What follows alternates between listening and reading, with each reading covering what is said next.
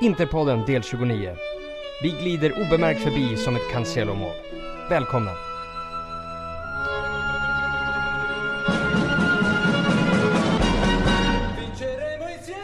Jajamensan, så där ska det ju gå när man möter Cagliari. Vi är här i Interpodden direkt efter 4-0 vinsten hemma på San Siro. Eh, med mig idag har jag ingen av mina sedvanliga kumpaner för de, ja, de prioriterar tydligen andra saker över, över mig. Ja, men, men, men ja, hur som helst. Med mig idag har jag en debutant och kanske den första och enda som har varit med i Interpodden som faktiskt har en egen fotbollskarriär och, och lyfta upp lite grann. Så vi, här har vi med oss Broder Jakob, Broder Jakob Planell. Välkommen! Ja, det där med fotbollskarriär är en smärre överdrift, bara för att göra det tydligt. Men eh, ja, tack så mycket. Kul det är, nog, det är väl närmare en, vinst, liksom. närmare en fotbollskarriär än någon annan deltagare här har haft. Ja, kanske. I konkurrens med Karl Mårtensson så... Ja, jo, jo, men herregud, det har väl de flesta. Uh, jag tänker att uh, innan vi sitter och delar ut ännu fler örfilar till våra vänner här, så går vi direkt in i Cagliari-matchen. Och yes. det där var ju ganska trevligt Jakob, eller hur? Verkligen. Det påminner ju mycket om uh, den här matchen mot Hellas som vi hade för inte så länge sedan. både med det tidiga målet då, och att vi bara fortsätter pumpa på, tycker jag. Ja. Eh, alltså, ja fortsätt. Nej, förlåt. Kör på, kör på. Nej men eh, en annan liksom grej som jag tyckte om mer i den här matchen än den matchen mot Hellas då är väl att eh, då byter vi väl in Eder i typ 65 minuten. Och eh, även om man förstår grejen med då var det att vila Icardi inför derbyt så, um, så gillar jag att liksom när laget har flow, att låta dem vara vet och fortsätta eh, fort, fortsätta köra, vilket jag tyckte att, eh, eller det gjorde vi idag. Så Ja, där vet jag fasen om jag håller med dig här. Du, du... Ja, jag vet. Jag såg att ni skrev i, i gruppen också. Ja. Men eh, alltså, Icardi, jag tycker inte Icardi har inte haft problem att spela flera matcher eh, per vecka, du vet sådär. Så jag tycker att, jag tycker, alltså kan han göra fler mål, det är ju bara bra liksom. Ja, självklart. Eh, min, eh, min största tanke där är väl att det är fem matcher kvar av säsongen nu och varje gång jag ser hans tejpade knä där så det är en, alltså man kniper ju ihop skinkorna varenda gång han får en tackling alltså. För går han ut skadad innan ja, den här säsongen är slut så då är det ju helt kört. Eh, men vi kan, ju, vi kan ju faktiskt hänga oss kvar vid Icardi där. Hans insats idag. Ett mål. Kanske det kunde ha varit ett till. Kanske ja, tredje om, om straffen hade dömts och så vidare. Men Icardis insats i sin helhet? Eh, grym, tycker jag verkligen. Alltså, det, den vanliga kritiken mot Icardi är ju att han inte är tillräckligt delaktig i spelet och allt det där, alltså skitsnacket liksom. Vilket, alltså, jag tycker både att det är felaktigt, eh, för att jag tycker att han, i den rollen han är, så, så liksom, han fyller upp alla krav. Eh, men samtidigt så um, så är det ju också en lögn. Han är ju delaktig i spelet, det ser, ser vi inte minst idag. Eh, han, eh, det första är väl när han slår det inlägget till eh, Karamo som han eh, breser där utanför och sen är det väl upprinnelsen till till Karamos andra läge när han skjuter i ribban som Icardi håller undan en spelare, slår den i djupet på Dambrosio. Är det Perisic? Ja, Perisic eller Dambrosio just det. Ja, det är Dambrosio till och med. Ja, Exakt, det tror man inte. Nej men precis, och eh, där visar ni både eh, alltså fina taget egenskaper och eh, eh, passningsspel. Så det är bara två exempel. Men han gör en fin insats generellt. Men sen tycker jag ändå att man ser att han är inte 100% i den formen liksom. Eh, han har två nickar som, när han är helt i slag så sätter han dem.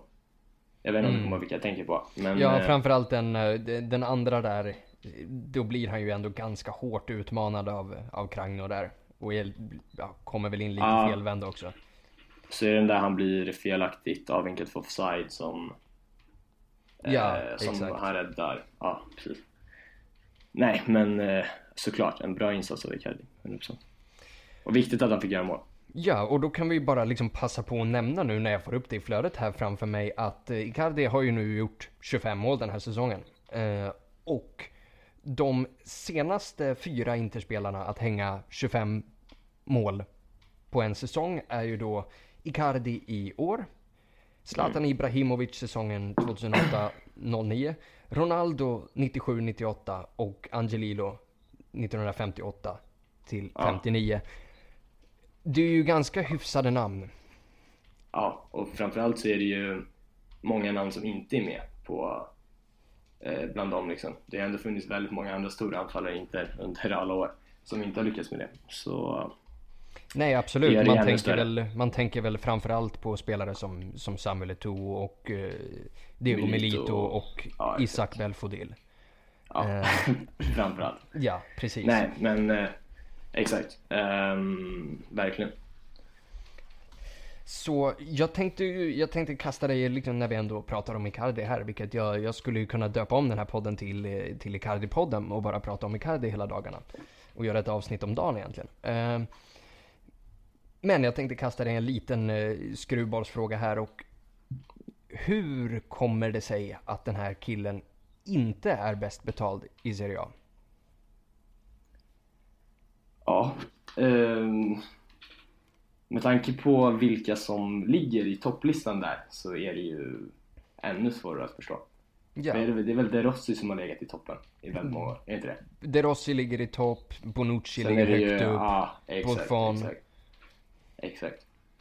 Ja, nej men eh, att han inte ligger högst upp i landlistan är också, mm, det gör det ju ännu mer eh, imponerande, är väl inte rätt ord egentligen, men eh, ännu ja, skönare att han stannar liksom. Att han ändå inte har dragit. För det säger väl ändå, alltså hur, hur mycket folk än pratar om att eh, Wanda kommer och vill eh, höja lönen hos honom eh, varje sommar liksom så, så tjänar han ju fortfarande mindre än vad hans marknadsvärde är.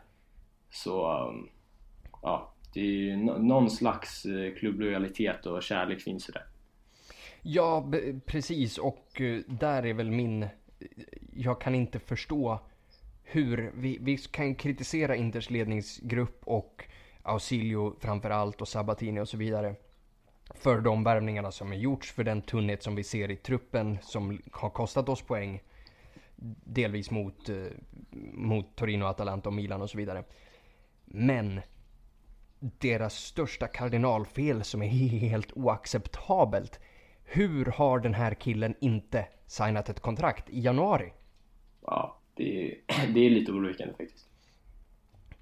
Så, så vad tror du det beror på? Tror du att det handlar om att Icardi inte vill, inte vill signa ett nytt kontrakt och höja upp den klausulen? Är det Inter som missbedömer hans värde eller tar vi det, tänker vi att vi tar det vid en senare tidpunkt? Gazzetta dello Sport har ju rapporterat att de kommer förhandla efter säsongens slut, vilket jag tycker känns som en fantastiskt dum idé. Ja, alltså det är ju, det är ju bara spekulationer med vad, vad, vad som kan ligga bakom. Och ju, alltså alla supportrar hade ju varit, blivit eh, betydligt lugnare om han bara hade signat nytt eh, nu i januari som du säger. Men eh, samtidigt, båda hans kontraktsförlängningar har väl skett efter säsongen på sommaren. Jag minns framförallt den säsongen han vann skytteligan där, då var man ju riktigt orolig och inte missade väl Europaspel helt. Ja. Eh, Så, sign, så signade han typ direkt efter säsong liksom. Så man hoppas upp på något liknande och jag tycker också generellt att eh, eh, ny, alltså, nya kontrakt bör skrivas på efter säsong och att det är ingenting som ska distrahera eh, själva säsongen. Men eh, ja, jag håller ju absolut med om att eh, det hade ju varit skönt om det bara hade signats.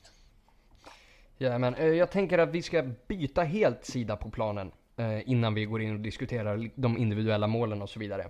Eh, och lyfta upp Milan Skriniar som trots en armbåge i nyllet i ena läget och en fot i facet i andra Ja. läget Shit. gör en briljant match och jag har lite siffror här på, på hans säsong så här långt. Och han har ju spelat samtliga 33 matcher. Samtliga Yes. 2970 minuter. Eh, han har stått för fyra mål, 16 hållna nollor. Han har två gula på hela säsongen, bara det som en mittback. Ja, verkligen. 91 procent pass, i passningar. 2,2 tacklingar per match. En brytning. Och 4,6 rensningar per match. Det här måste ju vara en av Europas absolut bästa försvarare. Ja. Och, Vi, eh, vi, vi ger Cagliari noll skott, noll skott på mål och två hörner. De har två hörner i den här matchen, det är allt. Ja, alltså Skriniar måste ju vara den, alltså garanterat den bästa värvningen i Serie A den här säsongen. Kanske till och med i hela Europa. Alltså om man tänker på hur, hur den kom från ingenstans liksom. Han var ju helt ouppmärksammad förra säsongen egentligen. Eh, när, när vi signade honom så var ju allas reaktioner, vem fan är det här liksom? Milan signar Bonucci och vi värvar Skriniar. var ju vad alla sa liksom. Ja, och man, Så- och man höll ju med i början. Ex- Ja, absolut. Jag hade ingen koll på honom. Är jag är först att erkänna liksom. Men eh, han vann ju över oss alla snabbt. Ja, ja det gjorde han ju verkligen. Eh, och eh, han tillsammans med, med Miranda, så, och Miranda, vi har ju Ja, lyft Miranda, honom. han har ju, ja precis. Han har ju höjt sig verkligen de senaste, senaste tiden. Och det är ju, är de, kommer inte ihåg hur många matcher, är det de sju eller åtta senaste som vi bara släppt in ett mål på? Ja, precis, eh, precis. De sju senaste. Ja, så det är ju, ja båda de två. Det är ju då, det är det som är lite sjukt också att eh, man är ju mer förvånad över att Miranda ser fantastiskt ut de här matcherna. Man har ju vant sig så mycket med Skriniar. Precis, precis. Och kanske var det lite det som gjorde att Miranda, alltså för Miranda har ju inte varit nämnvärt dålig någon gång under hela säsongen. Det är väl bara att man har varit så bländad av Skriniar också liksom. Exakt. Och han är ju Vilket, Skriniar, det- han är ju mer den här försvararen som syns. Du. Alltså han tar de här hårda brytningarna, vinner de här nickduellerna, han gör några mål liksom. Alltså Skriniar är ju den, jag är ju, jag är, ju- ja du pratade om min fotbollskarriär, jag är anfallare själv så man, man, eh, ja man faller ju för anfallare lättast. Men Skriniar är en av de första försvararna som jag verkligen har liksom fanboyat. Du vet. yeah. Eh, alltså, ja, alltså, vi vill alla därifrån. ja, ja, med, och med rätta alltså för han är så cool. Alltså det är Verkligen. knappt några gestikulationer, han chillar runt där älg, liksom som en stor jävla grizzlybjörn längst bak som inte gör något ljud av sig. Exakt, och han är inte rädd för att um, ta fram bollen heller. Eh, det är flera gånger han, eh, han driver upp från backlinjen och hittar um, passningar genom lagdelarna. Det är sånt där man vill se också. Eh, det är ofta de här stora kraftfulla mittbackarna bara är bra i duellspelet eller ja, på huvudet, sånt där. Men eh, han har ju han har ju det mesta. Ja, verkligen. Eh, jag tänker att vi kan prata lite om målen och det går ju fort idag. Eh, två minuter in i matchen så, så dö, vad heter det, tilldelas vi en frispark där från vänsterkanten som Cancelo slår in i boxen som på något vänster glider in nere vid bortre stolpen. Vad hände där egentligen?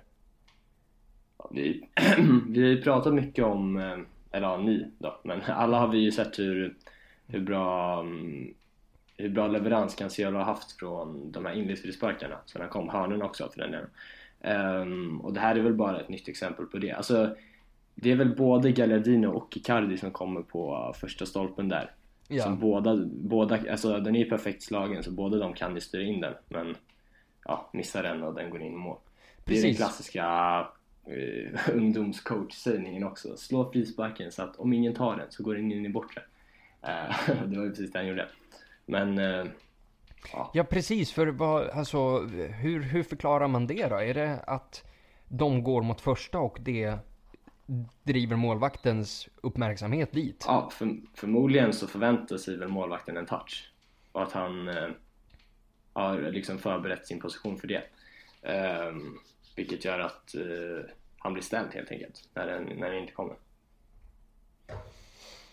Ja men precis, och det, vad heter det, det får vi väl ge all kritik till Alessio Cragno i, eh, i Cagliari-målet för den insatsen. Det var ju, alltså han gör ju en skandalmatch på många sätt.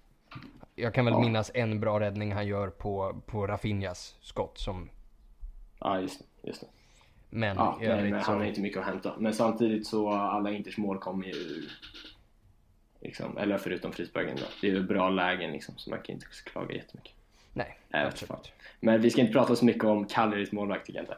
Nej, eh, det ska vi verkligen inte. Eh, Jag tänker, vad heter det, vi har ju alla suttit och diskuterat här Cancellos varande och icke vara kon är kontra Rafinhas varande och icke vara. Hur, hur ser du på de här två lånen som, eh, som vi har? Alltså,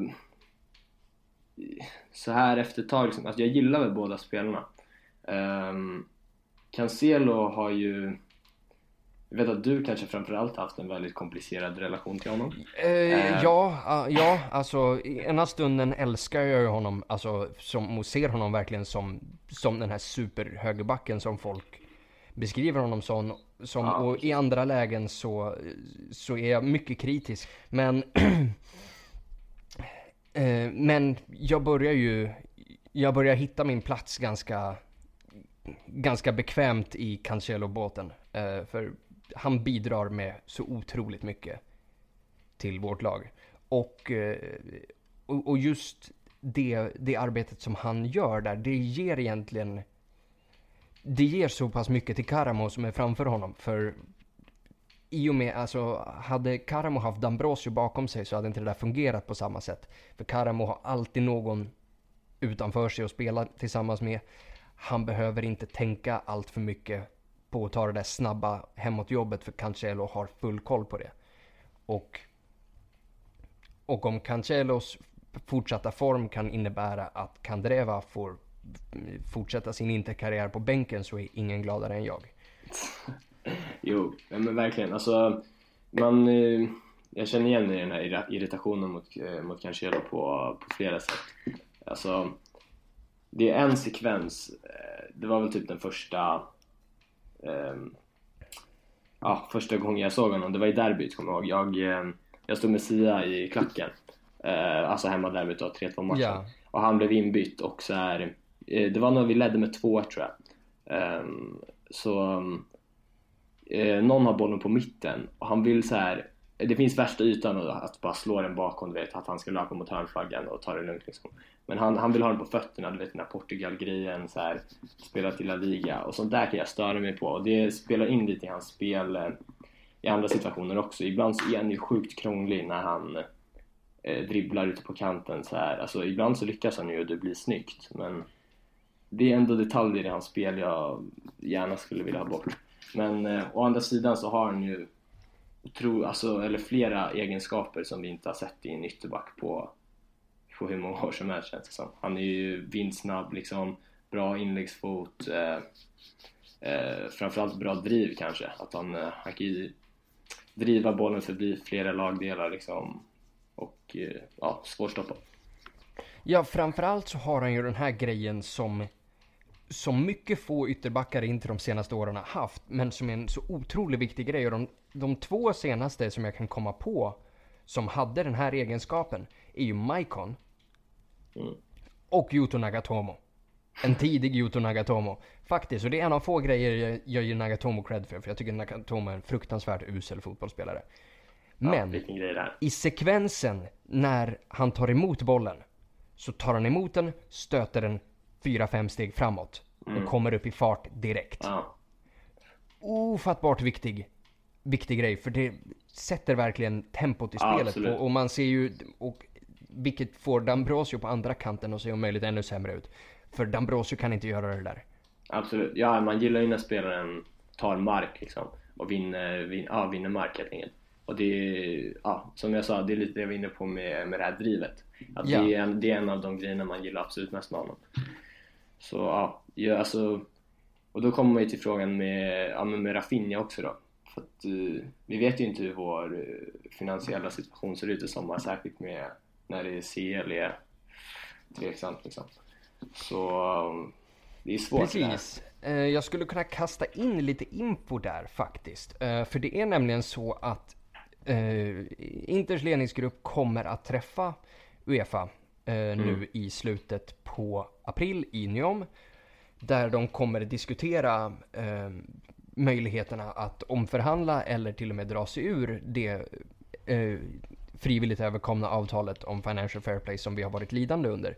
Detta med grund med Ja. att de senaste två åren så har vi gått plus och vi har hållit oss utifrån Financial Fair Plays regler och inte gått back och gått Alltså vi gör bättre och bättre siffror. Mycket på grund av av de sponsoravtalen vi signar, av spelarförsäljningar, Mm. av exempelvis sådana saker som vi gjorde idag innan match som jag har läst att folk tycker är pinsamma och fruktansvärda och fy fasiken för den moderna fotbollen. Men det är ju bara, det är ju sånt här skit som vi bara måste acceptera nu. Alltså vi gnäller hela tiden på att vi ligger så jävla långt efter. Och så fort de då gör någonting och sen kan eh, Instagram eh, nicknames på ryggen på tröjor, visst det kan väl ses som, ses som lite barnsligt men det där, det där är marknadsföring. Spelarna är varumärken i den moderna fotbollen. Vi måste kunna casha in på sånt här. Ja, absolut. Det ja, det är den enda vägen. Det har man ju sett. Liksom. Men eh, till, eh, till min huvudsakliga fråga då. Om du... Om du får köpa loss båda två, gör du det? Eller låter du någon gå tillbaka för att senare, för att spendera pengarna på andra sätt? Ja, det är så svårt det där. Om man... eh, Alltså grejen är... Rafinha gör ju sjukt mycket bra grejer också. Eh, Man gillar ju hans eh, kombinationsspel kanske framförallt. Där han... Det var ju flera gånger idag han typ... Han hittade upp den på Icardi, fick tillbaka ett läggspel, spelade ut den på vänsterkanten. Sånt där älskar man ju. Och det är svårt att försvara sig mot.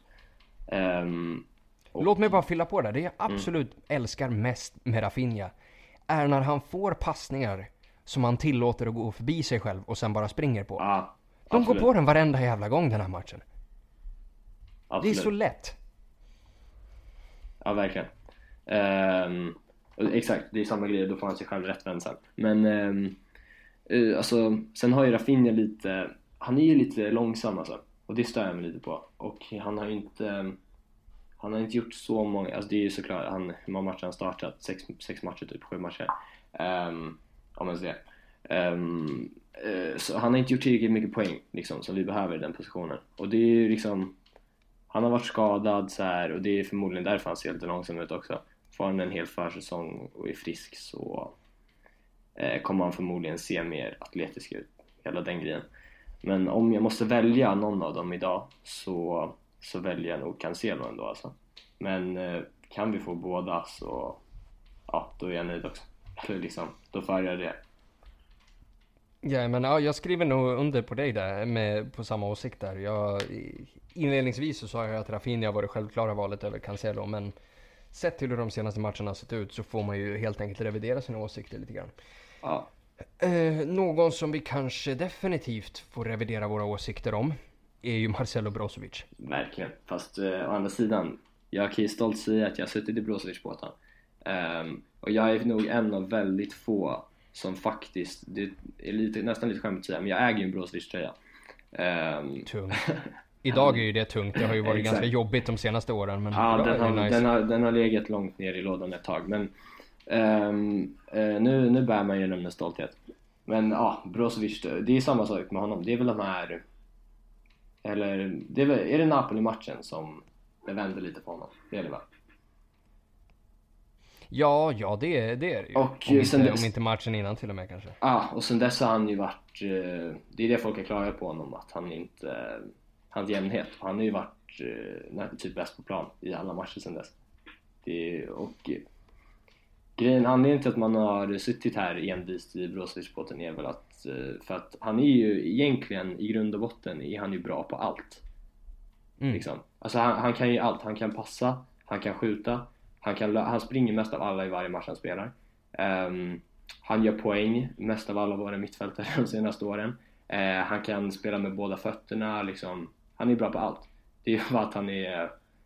Det är, följer man på honom på Instagram så vet man att han är lite efterbliven med tanke på hans... Jo, ja, han försöker få investeringstips på Instagram story liksom. Det säger väl någonting. Men eh, ja, forts fortsätter han så här så ja, då är det en, en alltså, en absolut klassmittfältare, verkligen. Ja. Jag, jag ratear honom högt. vi kommer prata mer om Brozovic för jag vet att det finns, Ja, det ett finns flertal frågor frågor. Eh, men du nämnde en liten grej där och det här skulle ju kunna bli en ganska kul grej. Mm. Eh, du nämnde där att du hade en Brozovic tröja och den har man ju skämts lite grann för fram tills nu då. Eh, Så först till dig Jakob och sen till alla er lyssnare att skriv gärna en tråd i Facebookgruppen eller ett DM till, eh, slida upp i någons DM och berätta. Vilken är den pinsammaste tröjan du har? Ja, faktiskt. Det kan vara en rätt rolig grej. Jag har ju många Så. dåliga. Ja, och då vill jag ju höra vilken är din sämsta? Ehm, det här är nog lite, du kommer nog ta lite illa upp här, men kanske en av de sämsta för mig är, jag har Osvaldo i en bortatröja där den säsongen han var här och anledningen till att den kanske är den sämsta är för att han lämnade ju där i januari efter den här Mm. ja, incidenten med Icardi på Juve Stadium.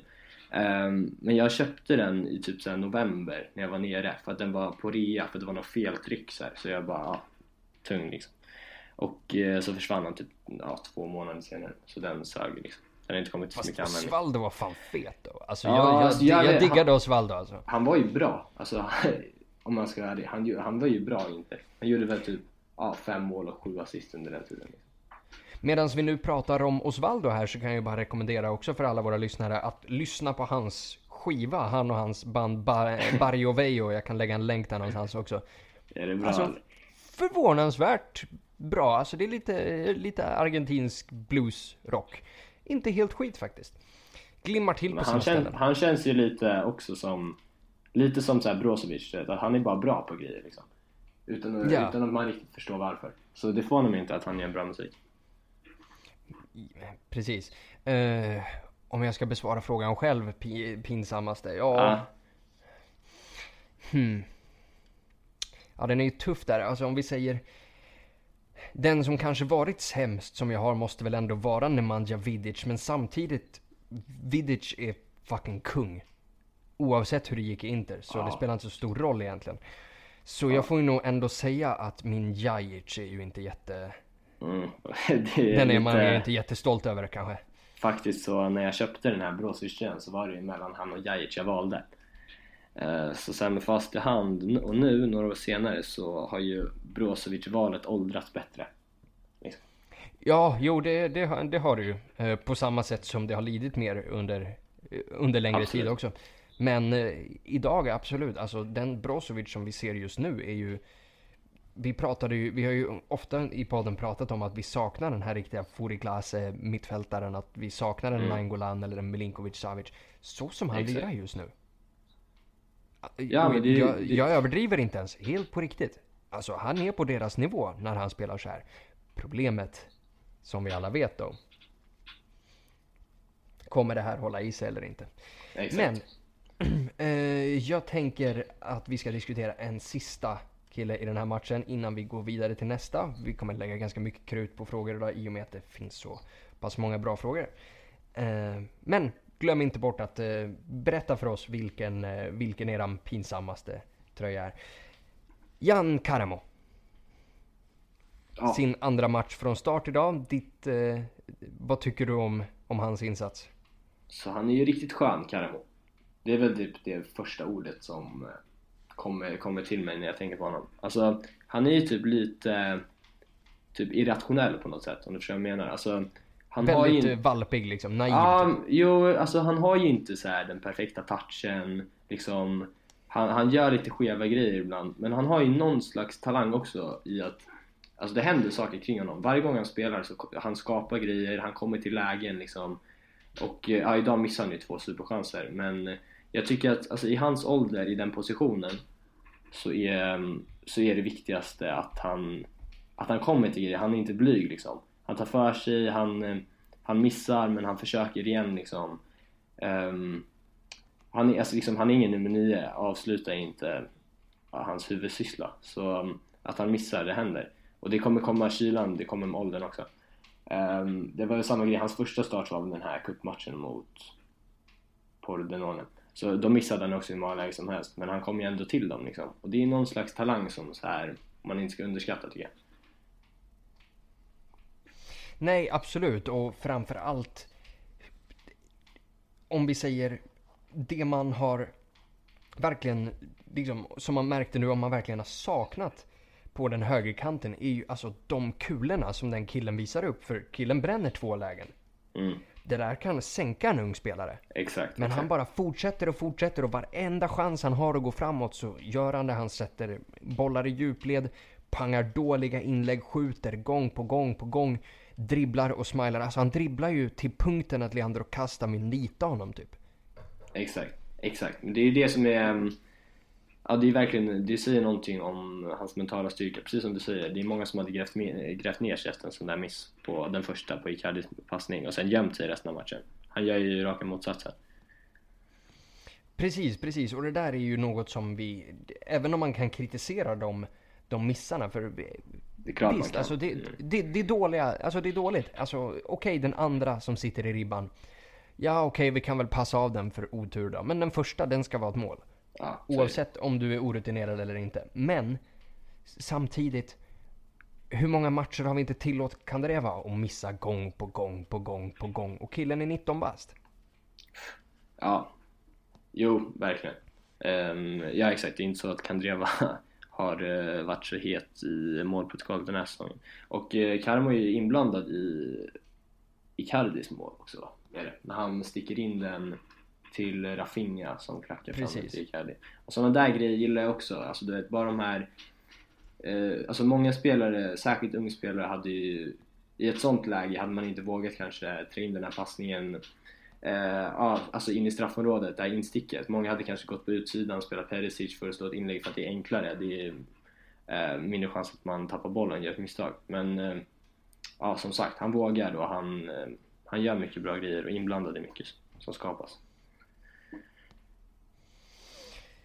Verkligen, så om vi säger följande, om vi går då från, Kal- från Karamo till nästkommande match. Startar du honom mot Kevo? Eller återgår du till Antonio Candreva? Jag tycker att när han har gjort en sån här insats och Kandreva har varit så sval på sistone så tycker jag att eh, vi borde starta Karamo igen. Men eh, å andra sidan, jag är inte helt så här att eh, det är för, förmodligen många frågor om det här också, men eh, jag är inte helt den här att nu ska Kandreva skickas till bänken för all framtid liksom. För att eh, eh Kandreva gör mycket bra grejer också, alltså tycker jag verkligen. Han är, han är smart typ, alltså han, han befinner sig på rätt ställen, han gör ett bra jobb defensivt och han eh, han kom också till många bra situationer liksom. Han, han hade gjort ganska många assist den här säsongen också. Men eh, ja, Karamo har en nice X-factor som man gillar. Så ja, mot Kievo så startar han. Tungt. Eh, vi behöver, innan vi går in på, på Kevo-matchen behöver vi gå igenom ett par grejer. Gagliardini går ju av med en skada där som vi nu har fått bekräftat är en muskelsträckning. Hur länge han kommer bli borta för det vet vi ju inte helt 100% än. Eh, hur tror du det här kommer påverka oss? Eh, det är ju sjukt tråkigt. Uh, tråkig timing på den skadan. För att eh, han har ju också haft en formuppryckning de senaste matcherna.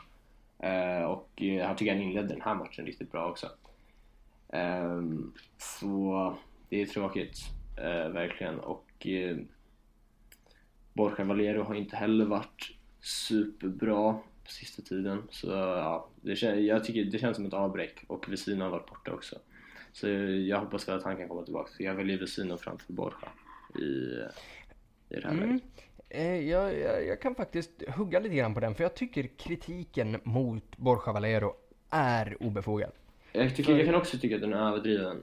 Men Nej, Jag, jag tycker inte ens överdriven. Eh, Jag tycker den är Nej. helt orimlig till och med. Ehm, okej. Och, det fin- och det finns goda skäl till det. Ehm, bland annat för att de matcherna som han nu har hoppat in efter att ha varit bänkad en längre tid är matcher där vi som lag har varit lidande. Där vi har fått springa otroligt mycket, där vi har tappat boll, inte kunnat hålla i den ordentligt, sprungit fel, missat klara lägen och sådana här saker. Att om man använder Borja Valero i någon form av, alltså i den rollen som Brozovic nu besitter, att han ska jobba upp och ner och vara här och där, alltså det är ju det är ett orimligt förhållningssätt att utgå ifrån att Valero ska kunna göra, att 33 år, 33, 34, hur gammal är han nu? Är han 33? Ja, jo, men exakt. Är 33 tror jag. Det är orimligt att förvänta sig att en 33-årig Valero ska kunna ska kunna göra samma jobb som en, 30 en 23-årig Gagliardini. För Ja, det är inte den spelartypen en- alltså. Nej han- exakt, han har aldrig varit den spelartypen heller. Nej, alltså titta på, titta på hur, det, hur matchen artar sig idag. När vi, när vi styr, styr bollinnehavet. När han får spela en djupare roll. Han gjorde inte ett fel idag, idag. Nej, idag tycker jag att eh, det här är Det var ju tur, lite i oturen. Det här var ju en perfekt matchbild egentligen för Valero att komma in.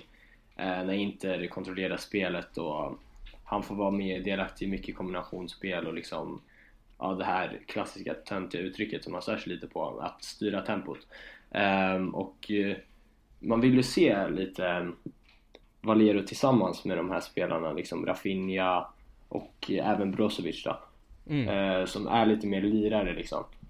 Um, alltså, då kan vi, det blir en liten annan dimension att man kanske kan hitta mer genom, genombrott genom mitten. För vi är ju bara, inte spel har ju, anfallsspel har ju bara fokuserat genom kant, eller utifrån kanterna de senaste åren. I princip. Ja. Eh, en sista grej som jag tycker ändå att det, det är nästan våran plikt att lyfta efter en sån här match. Eh, vad i hela helvete håller domaren på med? Ja. ja.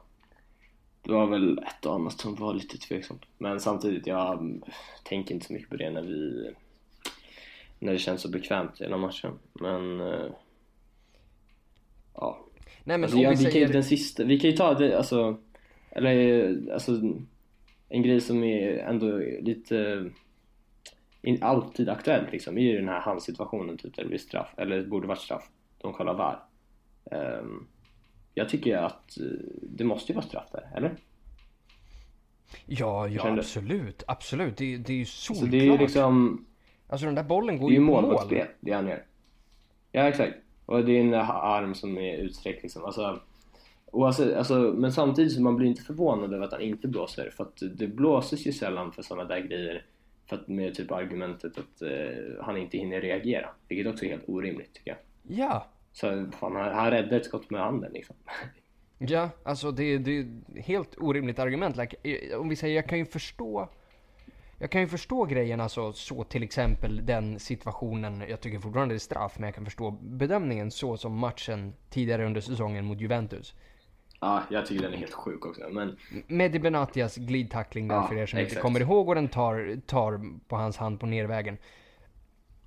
Om vi säger, ja okej, sen hade vi, sen ett par matcher senare så var det en liknande situation där samma grej hände oss och vi, Ja. och vi, det dömdes inte straff mot oss då heller. Så det kan jag köpa på ett sätt. så det var i alla fall konsekvent. Så Exakt, och även, alltså, jag kan väl förstå, ja, det är ointentionellt, alltså den ham- armen hamnar bakom dig när du glider. Alltså, vad är oddsen för att det där ska hända? Och i all ärlighet, du kan inte göra något annat med din arm i det läget utan att slå dig själv sönder och samman när du glider. Du måste ta emot dig med någonting.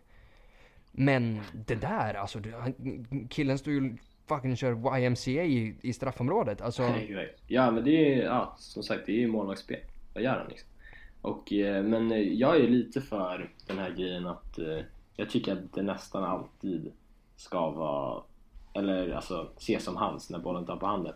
Men de, de hade ju det i Spanien för några år sedan. Då blev det, eh, fast då blev det ju problemet att då ville inte folk göra mål. De försökte ju bara skjuta folk på händerna istället. Så um, det är lite problematiskt det också.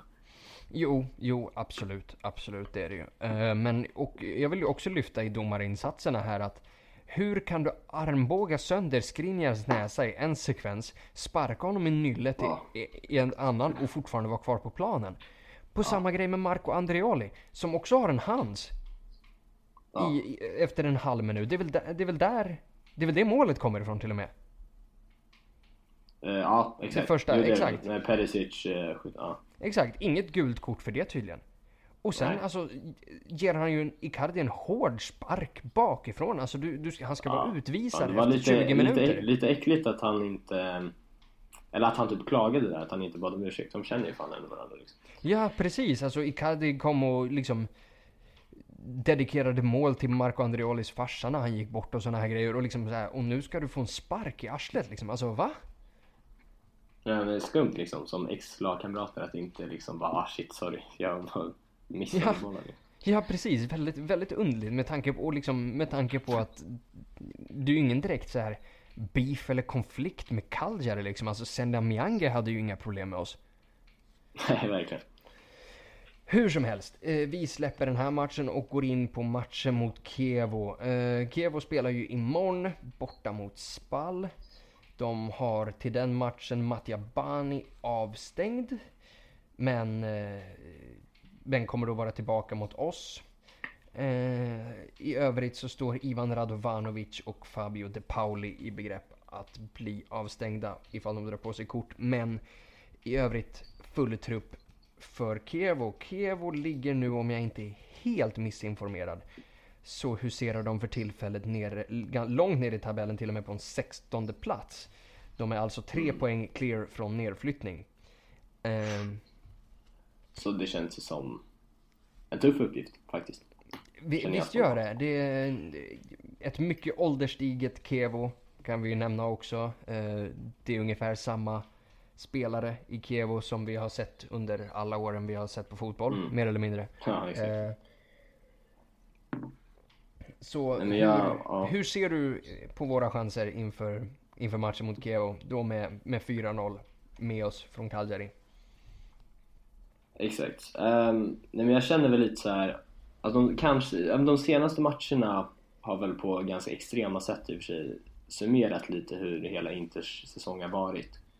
Um, med, eh, ja verkligen så här höga toppar och djupa dalar grejen. Och ju, uh, alltså de här matcherna mot Torino och Atalanta då. Uh, Det är ju sådana matcher som under den här skitperioden, och då menar jag liksom ja, post-trippel-eran i princip. Eh, som, det är sådana matcher vi aldrig lyckas vinna. Mm. Eh, och då är väl den här Kiev- Kiev-matchen eh, är väl i princip samma kategori. Så här ett lag som kämpar för nedflyttning och vi eh, vi tror att vi äntligen ska kunna ja, men kliva upp på en Champions League-plats och så, så blir det skit av det hela. Så jag, jag tror att det blir riktigt tufft alltså. Samtidigt så ska man ju också komma ihåg att förra mötet Exakt, och det, då, då blir det kanske ännu mer så här, då blir det en revansch, eh, ett, ett revanschsug som finns där också och gnager. Så ja, jag är lite ångest inför den här matchen. Ja, just nu har man väl ångest inför nästan till varje match här och det kommer väl vara så hela vägen fram till slutet. Fram tills vi förlorar en match. För nu är det ju lite... Alltså... Den som, Ja. den som trampar snett nu är over and out alltså. Ja, jo lite så är det ju.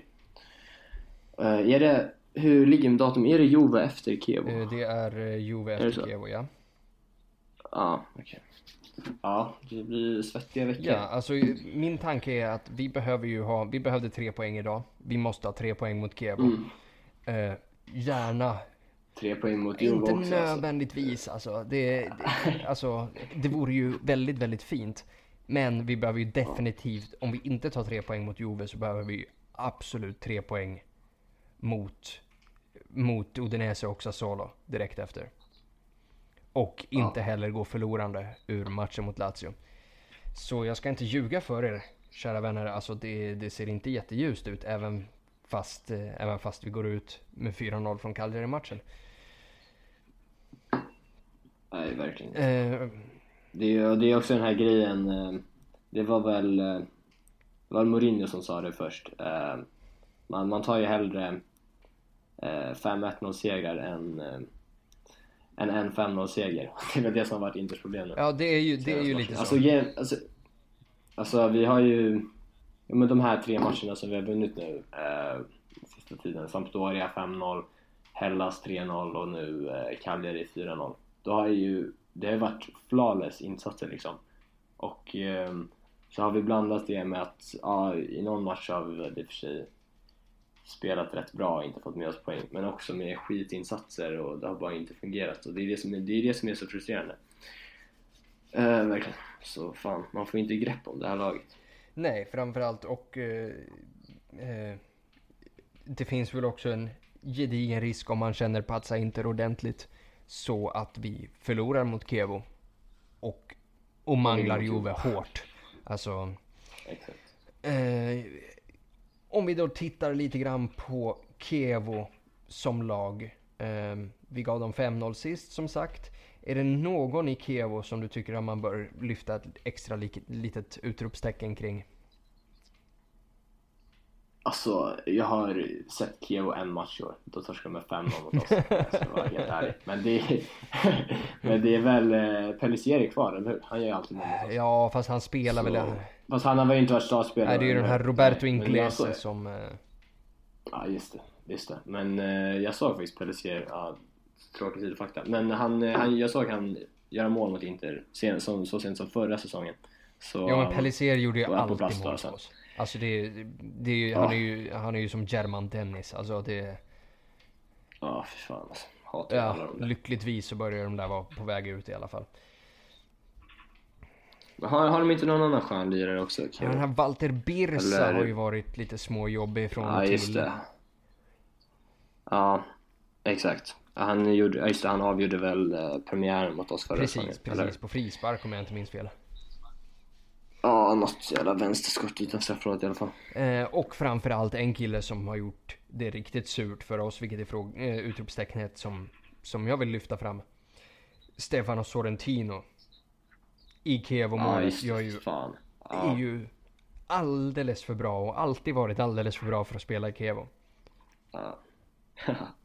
Han har alltid varit extremt bra mot Inter också. Ja, verkligen. Men den again, det är ju alla Precis målvakter. som alla andra målvakter. Exakt. Är Kommer, kommer du ihåg förra för honom. säsongen för Hellas Verona? Eh, Pierluigi Golini. Nej, som floppade i Aston Villa. Och nu är bänkad i Atalanta liksom. Men fucking, mm, alltså. Ja, ja men min, min go-to som där målvakt är ju fan eh, Consigli. Jag har fortfarande så, alltså, som sjuk ångest för den där matchen, jag vet inte om du kommer ihåg, men Mancini eh, hemma mot Sassuolo Mm. när eh, Jajic missar typ 12 frilägen. Berardi- och så gör de mål. Berardi i 90 eller på straff i 95 På straff. Ja, och eh, exakt. Och eh, D'Ambrosio försöker eh, skjuta bollen på Berardi efteråt. Det är ju fint i sig. Men ja, fy fan alltså. Jo. Eh, vad tror du om att tippa lite resultat? Och det ska bli intressant här, och, intressant här att höra vad du säger i och med att du verkar ha sån vacker ångest inför den här, just den här matchen. Ja, det är det som gör det så svårt också och eh, eh, tippa ett resultat. Alltså, grejen är att alltså, med mig är det så här. Jag, eh, jag har nästan alltid ångest inför matcherna men eh, jag, jag tror ju någonstans ändå innerst inne på, på, på laget liksom. Så eh, jag, jag ska väl ändå välja att tippa någon slags seger. Eh, Någon så, slags seger. Jag, Ja. Ja, något grisigt och jävligt. Eh, hoppas. Vi vinner nog med... Vi vinner väl med 1-0 då. Och eh, Skriniar gör mål. Mm. Ja. Ja, man blir ju alltid lite, lite orolig och lite övermodig efter de här efter de här stora vinsterna. Men Kevo är inte ett Kevo så som Kevo har varit tidigare år när de varit Kevo och varit Kevo. Ehm, så framförallt så börjar åldern ta ut sin rätt på det här laget och så som vi spelade ut dem under, under förra mötet den här säsongen så såg man verkligen, och, man har, och jag har sett det mot andra lag också, att de här klarar inte av när det går fort. Så om vi kan hålla samma tempo som vi höll idag så kommer vi köra över dem där. Mm. Ehm, så jag kommer tippa Ja. en, detta till trots så kommer ju Sorrentino göra årets, sin match för året mot oss givetvis. Eh, och de kommer ju slita och riva i oss för en poäng. Alltså för varje poäng, precis som för oss så räknas varenda poäng för dem i bottenstriden. Eh, så jag kommer, jag kommer detta till trots tippa en 2-0 och eh, jag har ju tippat Gagliardini som målskytt här eh, näst, typ halva säsongen. Så det får jag väl lägga ner nu helt enkelt. Eh, så jag drämmer till med en, äh, en Icardi-dubbel. Ja, hade varit mycket. Eh, med Faktiskt. detta sagt, vi har massor med frågor till idag som jag tänker att vi ska tugga oss igenom.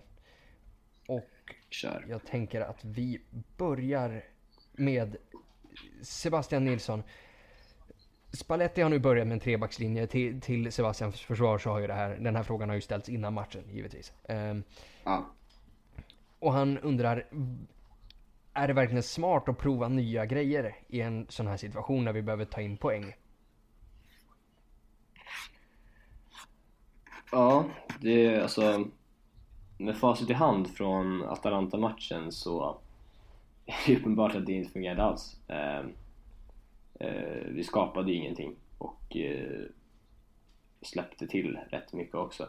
Men en, en grej som jag eh, faktiskt vill säga angående att Santon startade är att jag minns att, jag kommer ihåg att jag kollade på presskonferensen inför hemmamatchen mot Atalanta och det var ju Santons första start för säsongen.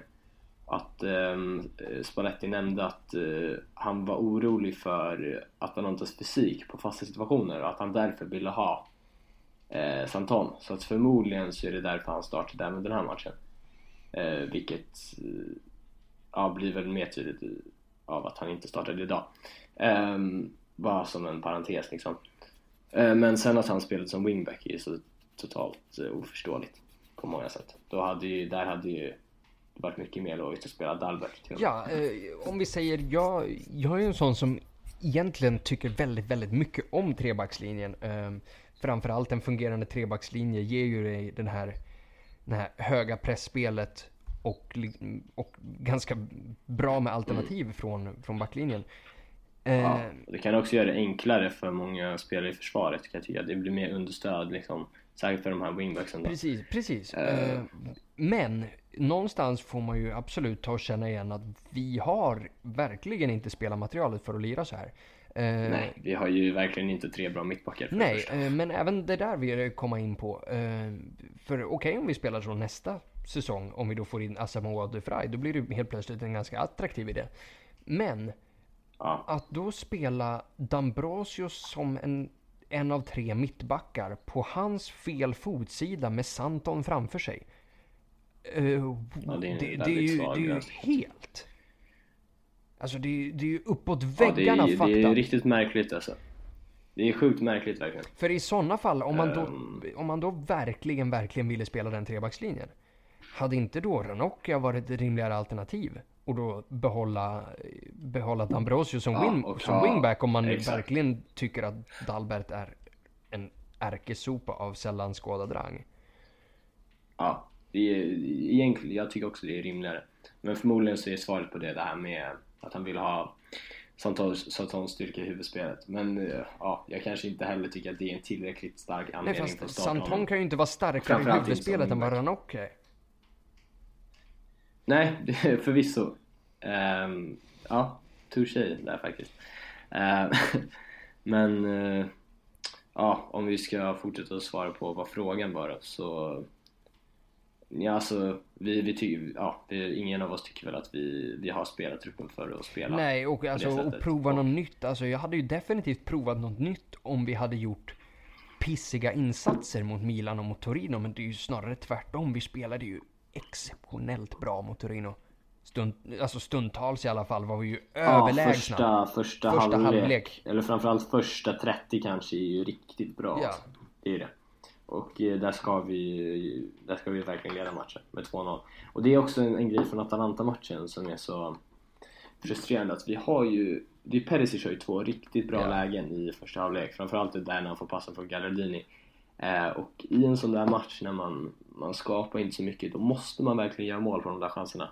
Alltså, måste, måste. Och det är ju, inte behöver ju generellt rätt många chanser för att göra mål. Det såg vi ju inte minst idag.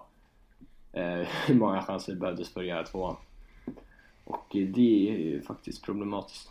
Ja, på, på, samma sätt som vi har märkt andra matcher att vi har fått en halv chans och Icardi har pangat in den och vi har gått därifrån med tre poäng. Så exakt. det där kan ju svänga ju, väldigt det fort. Har ju, det har, men, exakt, men det har väl att göra med att uh, det som vi har varit, eller ja, som man har pratat om innan också, att uh, Inter är ju för beroende av Icardis målskyttar. Och när han, när han inte gör mål så är det ju sällan någon annan kliver fram. Mm. På det sättet kan vi väl vara väldigt tacksamma för den här Cagliari-matchen, att vi går därifrån med 4-0 och, ja, fyra olika, och fyra olika målskyttar. Ja, fyra olika mål, exakt. Ja, verkligen. det är kul. Eh, vi går vidare här och vi hoppas, eh, så som eh, ett summativt svar på din fråga där Sebastian. Eh, nej, det var nog inte så jävla smart. Nej, och samtidigt så tror jag inte att eh, jag tror inte att Spalletti tänkte att det var någonting han ville gå, börja med här och sen köra in i mål i säsongen liksom. Jag tror att det var någonting han trodde var bäst för att slå Atalanta. Eh, vilket bevisligen inte var i och för sig.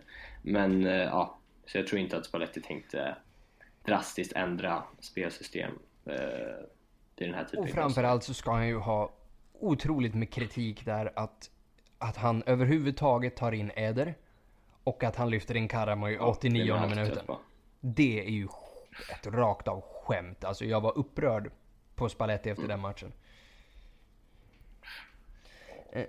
Ja, faktiskt. Det, det är jag beredd att hålla med. De bytena i... Eller ja. Att, eh, ja, exakt som du säger egentligen. Vi tuggar vidare i frågorna här. Uh, Fadi Kayo frågar Sino van Hoisten verkar ha kommit tillbaka efter sin skada. Är han något att bygga vidare på tillsammans med Karamo? Uh, det är väl svårt att säga för att, eftersom han inte har spelat i Inters A-lag. Liksom. Uh, förutom på någon försäsongsmatch. Precis. Men, och framförallt då kanske för att han har varit knäskadad länge. Så alltså, han har väl dessutom ett lån ett, en säsong till. Precis, det är ett lån på ett och ett halvt år. Uh, däremot så går det ju bevisligen bra där i Standard Liège. Han jämfördes tidigare i veckan i belgisk media som en ung Vincent Company. Och uh, Ja, det, är... det låter ju trevligt. Däremot så har vi ju hört det där ett par gånger om ganska många. Till exempel om vi återkopplar till Isak Belfodil som var den nya Benzema. Så vi kan ju ta det där med, med ja. en nypa salt. Var inte, var inte Gabigol Ronaldo också? Liksom? Precis, för han gjorde ju sitt eh, debut... Som man ska ta det steg Ja, precis. Han gjorde ju sitt debutmål mot Bologna och det gjorde ju Ronaldo också, så nu är de lika på allting. Eh, Exakt. Eh, men om han är någonting att bygga vidare på, ja, det är ju det är mycket svårt, att, mycket svårt att avgöra så här långt. Det är tidigt att säga. Alltså, gör han en bra säsong nästa, nästa år i standard så det är klart, då då, är det kul att plocka in honom som en truppspelare. Ja. Men sen kommer ju Bastoni till nästa säsong också, som blir en direkt konkurrent till honom. Precis, precis. Och även med troligen också De Vrij och mitt, mittbacksplatserna kommer ja. ju se ganska, ser ju ganska fina ut för framtiden om man får, om man får lov att säga det. Sami Inter undrar, är Brozovic anledningen till våran form? Nu när han har varit med har vi spelat riktigt bra, men mot Torino såg det ut som vi, som vi gjorde under krisen. Hur viktig är Brozovic egentligen och borde vi behålla eller sälja? Och vi har ju diskuterat Brozovic uh, säljande och, ja. Eh, eller inte, men då har ju inte du varit med så du får ju jättegärna ge din syn på det här. Uh, ja, jo men uh, jag kan väl börja i rätt ordning med frågan då så är Brozovic uh, anledningen till vår form? Um, det, jag vill ju gärna säga ja på det, men uh, det, det är nog ett för enkelt svar skulle jag säga. Ehm, det är väl både att han eh, liksom, det, det blir väl lite den här eh, moment 22 grejen typ, att det beror ju på varandra. Ehm, att Brozovic blir bättre för att laget har fungerat lite bättre och han gör laget bättre. Så ja, det, det, är, det är omöjligt att säga skulle jag säga. Men eh, om eh, vi ska sälja Brozovic så tycker jag inte det. För att eh, det är, som sagt, han har allt liksom. Och nu har han till och med eh, fått lite um, consistency i, i, i det han gör och eh, kan han hålla det eh, resten av säsongen så ser jag ingen anledning till att sälja honom. Verkligen inte. Och jag tycker mig också, det här är lite Binso-fasoner, att läsa in i folks sociala medier. Men eh, jag väljer ändå göra det. Att jag tycker hans, eh, om vi bortser från hans Bitcoin My Stories, så um, har han lagt upp mer um, så här interrelaterade grejer efter matcherna, så här, Forza inte beroende på och beroende på om vi har vunnit eller, eh, eller inte liksom. Och jag tror ändå att det, det säger någonting Särskilt på en sån som verkar dela med sig av det mesta på sociala medier. Ja, jo, som sagt alltså om man... Jag har ju varit en av de, de som har argumenterat eh, starkt för och fortfarande att Brozovic bör säljas i sommar. Men om det är Mm. som du säger och om vi då sk- ska tillåta oss att läsa in skit i sociala medier och sådana här grejer. Vilket vi också kan prata om sen. Eh, så, så absolut, om Brozovic, vilket jag sa i tidigare avsnitt också, att om Brozovic går, går in för att axla en, en mer ansvarstagande mantel i det här laget så tycker jag definitivt att han ska stanna. Men jag har svårt att se det komma ur Brozovic. Mm. Ja, jag, men jag förstår också varför folk eh, har den bilden med tanke på historiken. Men och samt, alltså kommer det ett, ett riktigt bra bud, vilket jag inte heller tror att det kommer komma faktiskt, om inte han har ett sjukt bra VM. Ehm, så, så är det klart att eh, folk kommer lockas av, att- av att ta det liksom. Ehm, med tanke på att han inte har levererat på en så jämn nivå under hans tider. Men ja, jag som sagt sitter här i blåsursbåten och Hoppas han, hoppas han äntligen har fått ordning på sig själv. Allting. Jajamän, eh, det hoppas vi väl alla på. För det känns som att det är i och med Gagliardinis avsaknad nu så hänger det ju mycket på honom. Eh, Ramenzuela frågar varför har Spalletti förlitat sig på Kandrevas raka spel och keffa speluppfattning under en lång tid när det finns en kreativ och hungrig Karamo på bänken? Så varför, varför har Kandreva fått då fått 31 av dessa 33 matcher från start? Uh, ja, jag kan bara börja med att säga jag tycker inte att eh, Kandreva har så dålig speluppfattning egentligen. Alltså, det, jag tycker hans problem är snarare utförande liksom. Jag tycker ofta att han gör rätt grejer. Sen att han fuckar upp emellanåt så, ja, men det är en detalj. Men, eh, och, ja, jag, ty- jag håller med om att Karme borde ha fått fler chanser. Um, I och med att Kandreva har, har ju inte haft en bra säsong. Det har han inte. Han har gjort för lite poäng, eller för lite mål. Uh, och uh, ja, jag vet inte, jag vet inte varför liksom. Eh, men förmodligen så eh, ja, så vill eh, eller han ser väl kan leva som ett säkert kort liksom. Och Kandreva har ju ett bra rykte i Italien också ska man ju komma ihåg. Och det har ju till och med Eder liksom. Och det är förmodligen därför han får hoppa in Ja, rätt det, ja, ja. Jo men som sagt, italienare är jävligt... Är, Det känns som det är någon, det är någon grej där med landslagsspelare så här, som jag tycker är så sjukt otroligt löjligt. ja, men är, är Eder ja. fortfarande landslagsspelare? Nej, han är väl inte det längre. Men han var ju med i truppen mot Sverige. Ja, jo, jo. Men det, Så, så långt det var var många med. sopor förvisso. Ehm, Så är det ju. ja, nej men som sagt. eh, jag håller nog... Jag är nog mer på, jag har ju aldrig varit Kandrevas största supporter någonstans och jag, jag uppskattar egentligen inte hans spelförståelse eller hans genomförande eller någonting med honom egentligen mer än hans, hans hemjobb. Men igen, vi kan inte ha en, en högerytter som vi förväntar oss ska leverera oss mål och assist och sen skryta om hans hemåtjobb. Alltså det är väldigt, ett väldigt okonstruktivt Nej. sätt att jobba på. Nej, och särskilt dessutom så har ju Kandreva sett så frustrerad ut på sistone. Ja. Liksom. Ehm, ja, vilket är Och framför, en anledning till att Karamo borde få spela. framförallt så, så tycker jag väl att det, det skickar en tråkig signal till Karamo att han har fått, till att börja med när han då hoppade in, eller när han fick starta mot, eh, mot Bologna där är det ju, eh, hans första Mm. start i ligan. Icardi är borta och laget krisar och han pangar in ett mål.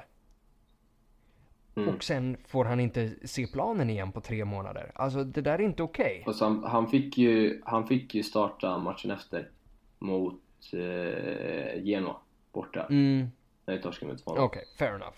Men ja, men, ja, men det är svårt att leverera den matchen. Alla var skit. Exakt, exakt. Men eh, jo, men jag håller med. Alltså, han borde ju absolut ha fått eh, någon mer start. Den givnaste matchen är ju då förra mot eh, Atalanta. Vi borde, vi borde ha stå, med fast i hand borde vi ha startat eh, på samma sätt som vi gjorde idag. Verkligen, verkligen. Förutom eh, bortsett från Brozovic då som var avstängd. Exakt, exakt. Eh, Jag håller med dig till, till hundra där alltså. Så, nej men jag, jag tycker, och det har jag även talat högt om här i podden tidigare också, att Karamo borde ha fått chansen betydligt tidigare än han faktiskt fick den. Eh, Ariel Mirzai. Vad är VAR till för om domaren är blind? Och det här är ju en ganska bra fråga ändå. Alltså, det, Arian är ju frustrerad i, i, i sig själv. Och när han säger det här. Um, men, vad är egentligen syftet med att stå och titta på reprisbild efter reprisbild efter repris, reprisbild om du fortfarande inte kan ta rätt beslut? Alltså det här måste man ju faktiskt... Mm, alltså det här måste man ju lösa på något sätt. Ja, alltså det är det som är... Ehm, det, det, är det som är problemet med VAR, är att det, det är ju fortfarande på något sätt en bedömningssport lite. Eh, det kommer ju alltid finnas eh, olika nyanser och varför folk ser på saker. Men jag kan ju väl hålla med om att eh, det borde bli rätt allt som oftast liksom. Och, eh, ja. Men det är en sån här grej som idag när de kollar VAR på, på hans situation är att alltså, ingen förstår väl riktigt hans regel till 100%. Nej men och där får man ju ändå liksom i sådana fall, är det verkligen, ska huvuddomaren verkligen gå och titta på reprisbilderna? Borde du inte ha någon jo. uppe i en studio någonstans som kanske säger till honom bara Dude, blås straff liksom? Ja, jo det är det som är frågan hur man ska göra, hur man ska göra där. Det kan ju också, samtidigt kan det bli märkligt om man tar bort makten från den som faktiskt är på planen. Uh, så ja, jag är kluven där alltså. Men absolut, jag är ju 100% en, en varför-förespråkare. Ja, liksom. absolut. 100%. Det är, det, det, är den, det, är, det är den enda vägen. Uh, men jag, ja, det har ju sina Jag säger mer, mer teknik i fotboll. Alltså, fan, låt spelarna ha på sig handskar med, med sensorer i och prickar bollen så, så får de väl den där typ börja ja. blinka eller något. Jo, exakt. Men jag, jag är ändå mycket efter principen att eh, rätt ska ändå vara rätt liksom. Alltså när vi får det där bortdömda målet i derbyt när Icardi är liksom en halv sko offside så, så är man ju så frustrerad liksom. Men samtidigt, vad ska man göra? Han är ändå en halvskål. Precis, liksom. alltså annars hade så, vi varit Juve. Alltså, exakt. Ja, hellre det liksom. Och alltså, det... förlåt att jag avbryter det där Jakob, men vi har ju faktiskt inte, vi har ju faktiskt inte pratat om det sen det där hände. Alltså ha ha ha ha ha ha ha ha ha ha ha ha Gobby, sug den. Gråt, gråt, gråt, gråt, gråt, gråt, gråt. Att de, att de gråter efter att de vill ha varje Champions League är ju också nästa nivå av eh, patetiskt. Ja, framförallt sett till hur, vad, alltså, vad Angeli sa i början av den här säsongen när han sågade VAR vid fotknölarna. Exakt, exakt. och eh, den här grejen, var det förra säsongen eller säsongen innan det när eh, det har ju snurrat massa Buffon-citat mm. de senaste dagarna. Men när han, eh, det var mot Roma va, och eh, Juve vann på något domarmisstag och eh, de eh, han pratade om att ah, det är bara de, är, de gör bara ursäkter liksom, det är bara förlorare som gör ursäkter och så han sitter han en vecka senare med hoodie och solbriller och snackar om att domaren inte är mänsklig. Liksom. Ja, alltså det, det, det ja, alltså han, han är ju bara ett skämt den där jäveln. Alltså på, på, samma sätt, alltså om han bara kunde stänga sin trut lite då och då. Så var som innan Champions League-finalen han ser Reals orangea, eller lila tröjor och säger att de ska möta Fiorentina. Alltså, vem fan tror du att du är? Alltså, det här är folk som, ja man ska ändå respektera, man ska ändå respektera Buffon. Han är en legend. Han är ingen legend. Exakt, det där är man så trött på. Han är ingen legend. Vart någonstans? Alltså Jakob, ja, du och jag har fan lika många Champions League-titlar som den där jäveln. Vart är han, vart är han legend? På riktigt, Del Piero, Del Piero har jag en kylig, återhållsam respekt för. För Del Piero snackar aldrig så här på samma sätt som Maldini snackar aldrig så här. Men det är ju som att man ska, bara, ah, man ska ha respekt för Gattuso för han är väl ändå... Fuck det där alltså. Ja. ja, men jag känner också lite sådär att liksom eh, den här grejen med att man måste liksom inom citationstecken ha respekt för spelare som är lojala mot sin klubb så här, varför ska jag det? Det är inte min klubb liksom. Um, så um, alltså, och särskilt när man, ja som Buffon har gjort nu till och från beter sig som skit. Och eh, spelar en sketen jävla klubb. Ja, ja, nej så ha ha ha ha ha. Ni kommer aldrig vinna Champions League igen. Jävla super. Fan magiskt. Uh, Jajamän. Eh, Abbe Ben Khalifa, varför låter man inte Skriniar bytas ut och vila lite? Killen är fan maskin och har spelat varenda minut i Serie A. Eh, och Abbe, du har ju faktiskt fått ett ganska tydligt svar där att, eh, av, eh, av Oskar att eh, Skriniar är gjord av sten. Varför? Alltså han behöver inte lira, han kan inte bli skadad. Alltså han är odödlig. Ja, jag känner väl lite, lite samma sak där som, som jag var inne på med Icardi innan också. Att jag, han har inte haft några problem att spela flera matcher i veckan så låt han göra det. Det är vår bästa, vår bästa försvarare liksom. Jajamensan. Eh, vi har också en fråga här från Jesper Andersson, han som egentligen har ställt tre frågor i en. Så jag tänker att vi kan börja med eh, Gagliardini borta. Eh, det finns väl en gedigen risk att det kanske är season over för honom. Det såg ju inte bra ut när han gick av. Nej. Eh, så frågan är, hur är statusen på Vesino? Ja, han var ju med i matchtruppen. Jag vet inte riktigt eh, mer. Eh, jag vet inte om han är tillgänglig för hur mycket han kan spela nästa eller i helgen. Jag har faktiskt ingen koll på det. Nej, det, han har ju Men, eh, lidit av en, han har ju varit borta och lidit av en ljumskskada så här långt. Ja, det är knepigt med sådana där grejer. Man vet, det alltså, det är ju gråzoner känns det som. Eh, Det är inte svart på vitt liksom. Men eh, ja, hoppas. Det, och det kanske blir att att man, eh, man har väl kanske känt också att man behöver inte riska sidan nu när Galladini och Brozovic har eh, steppat upp formmässigt så um, nu kanske man tvingas göra det och det behöver inte vara negativt. Man kanske har skyndat, eller ja, skyndat långsamt säger man väl. Bara. Eh, precis, och om vi säger då, om han då blir spelklar, väljer man honom framför, eh, framför Borja Valero? Jag gör ju det. ehm, i de flesta matcherna i alla fall. Eh, för att jag tycker att Vesino... Eh, för det första så är han ju mer lik Gagliardini i spelstilen än vad Borja är. Eh, och eh, det har ju funkat bra med Gagliardini och Brozovic. Eh, eh, de har ju kompletterat varandra bra. Så av den anledningen, kanske främst. Och sen gillar jag, jag gillar mycket med Vesino också. Jag gillar att han, eh, den grejen han har som inte kanske inte ens Brozovic har av våra andra mittfältare är han har ju, som det här målet han gör mot Roma, när han kliver in i straffområdet och nickar in den, sådana där grejer. Att han har ju, han har en fysisk närvaro i och med att han är lång och han, eh, han vågar ta löpningen in i straffområdet. Det tycker jag. Jajamän. Uh, jag tänker att vi kommer hoppa lite mellan frågorna här så, så för att försöka få ett litet flow på det hela. Eh, och José Bari fyller ju på där eh, att i och med Gagliardinis sträckning så undrar han om vi klarar den skadan. Klarar vi att ersätta honom med det vi har i truppen eller ryker CL-chansen sin väg där? Mm, det, är, det är svårt att säga. Alltså, vi får ju färre alternativ liksom. Ehm, ehm, I och med att Galladini är ändå, även om jag sa att uh, Vesino och Galladini påminner mer om varandra i spelartyp än vad han och Valero gör så tycker jag ändå, det är inte samma spelare liksom. Galladini är ju en bättre bollvinnare än vad och en närkampsspelare än vad, än vad Vesino är. Så det kommer vi sakna tror jag. Även om Brozovic har gjort den biten bra på sistone också. Så Jag ja, Jag tror framförallt att det är viktigt att komma ihåg att Vesino har varit borta ganska länge till att börja med. Ja, det är också, Och- absolut.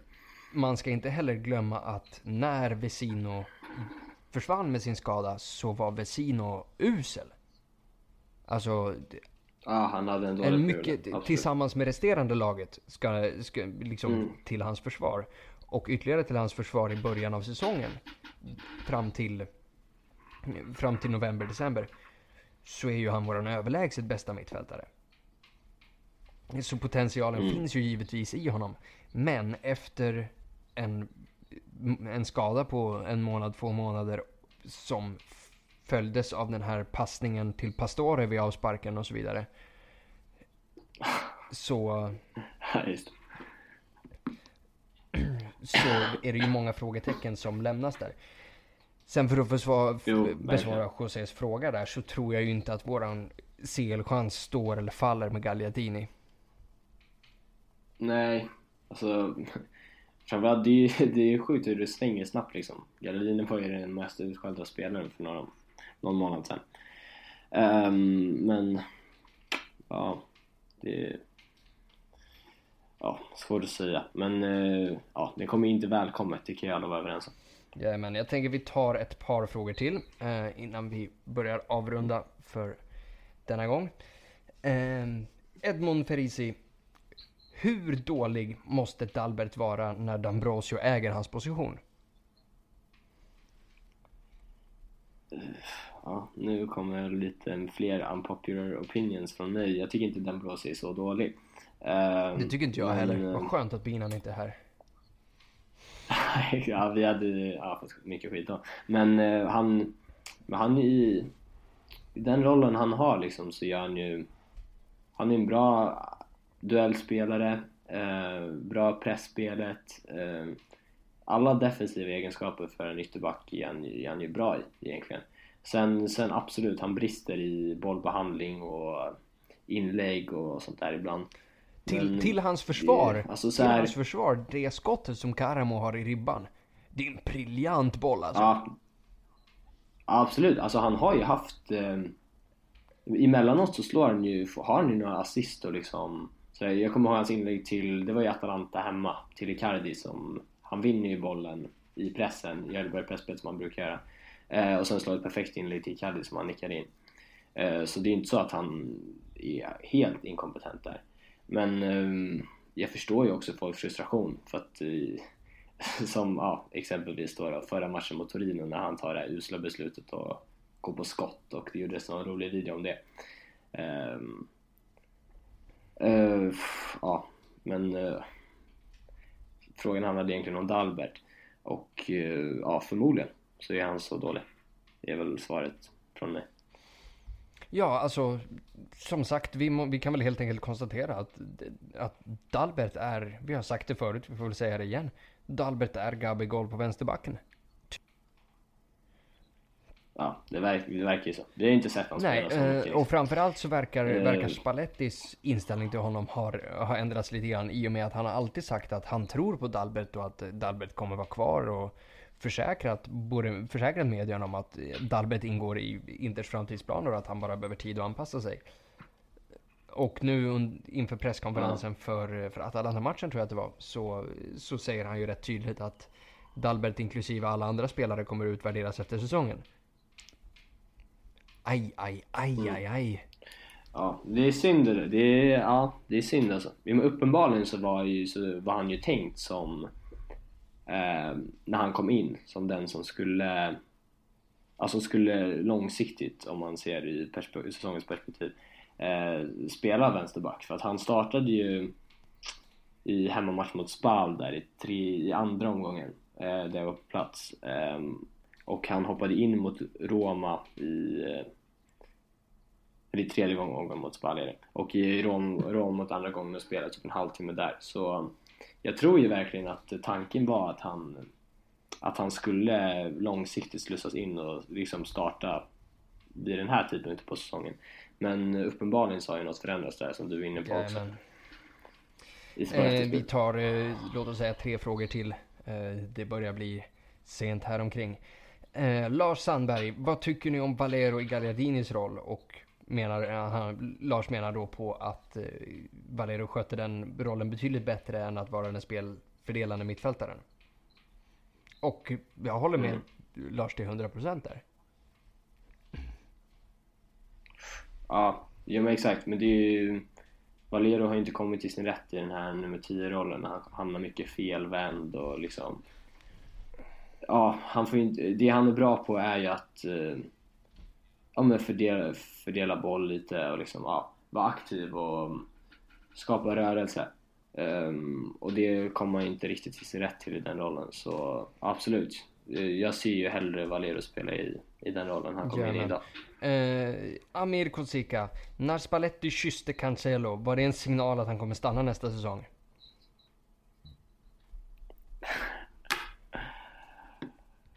Hoppas det.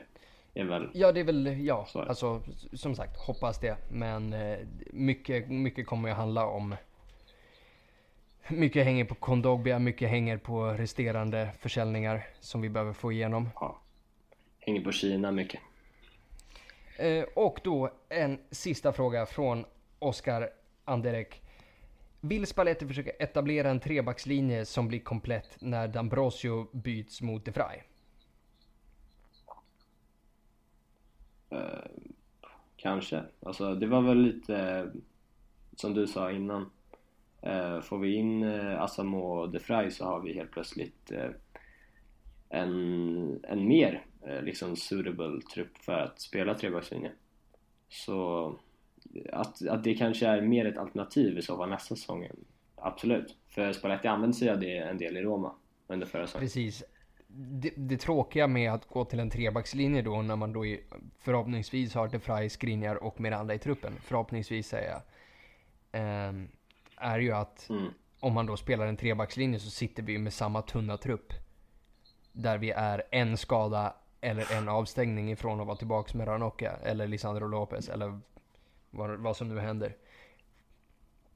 Ja, hoppas fan inte han köpt loss i alla fall. Ja, det, det, det är ryktas ju om att han, att han ska det. Ehm, även, eh, Ja, men det var väl portugisisk Ja, media också som känns lite... ja, lite eh, vi kan ju också informera om att Asamoas agent var på Appiano Gentile idag. Så eh, det där Okej. verkar ju börja arta sig också. Ja. ja, det är väl inte helt dumt faktiskt. Och eh, ja, han om någon passar väl bra i en, i en sån formation. Sen kan man ju lägga till där, jag tycker inte att, jag tycker egentligen att Cancelo är bättre i en fyrbackslinje alltså.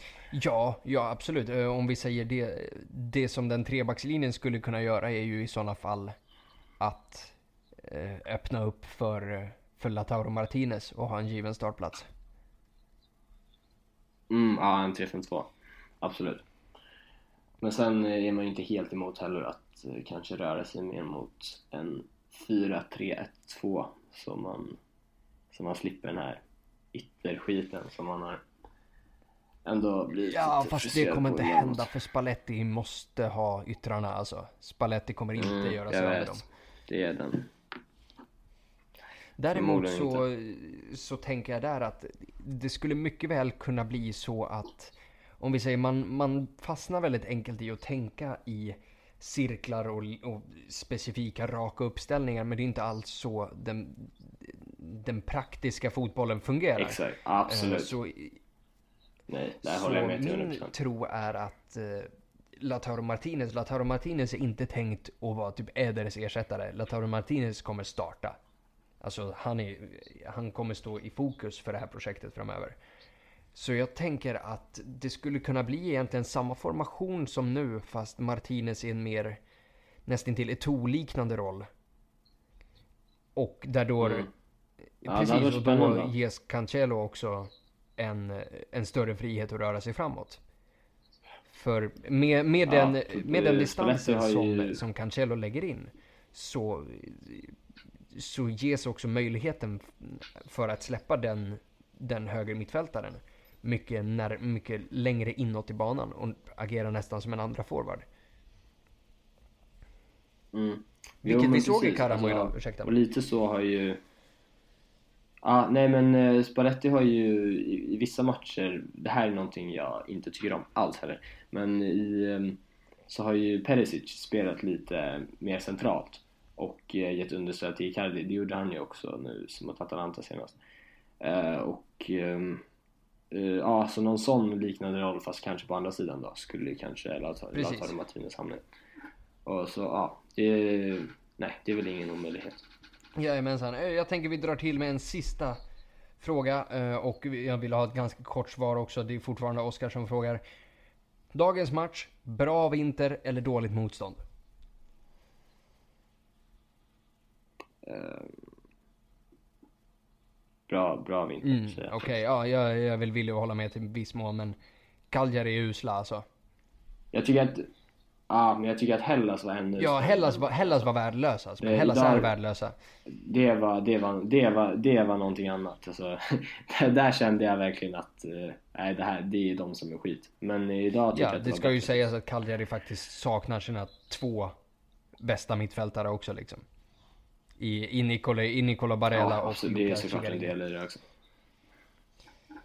Eh, men med de orden så tack till Jakob för, eh, för att eh, du var med. Hoppas på att få stöta på dig här fler gånger. Tack till alla er som har lyssnat. Ja, tack, tack som satan till Inter för fyra mål så man för en gångs skull kan gå och lägga sig och sova lite gott. Och så hoppas vi uta fan på Genoa och Fiorentina imorgon. Tills dess, Forza Inter, Juve Merda. Forza Inter.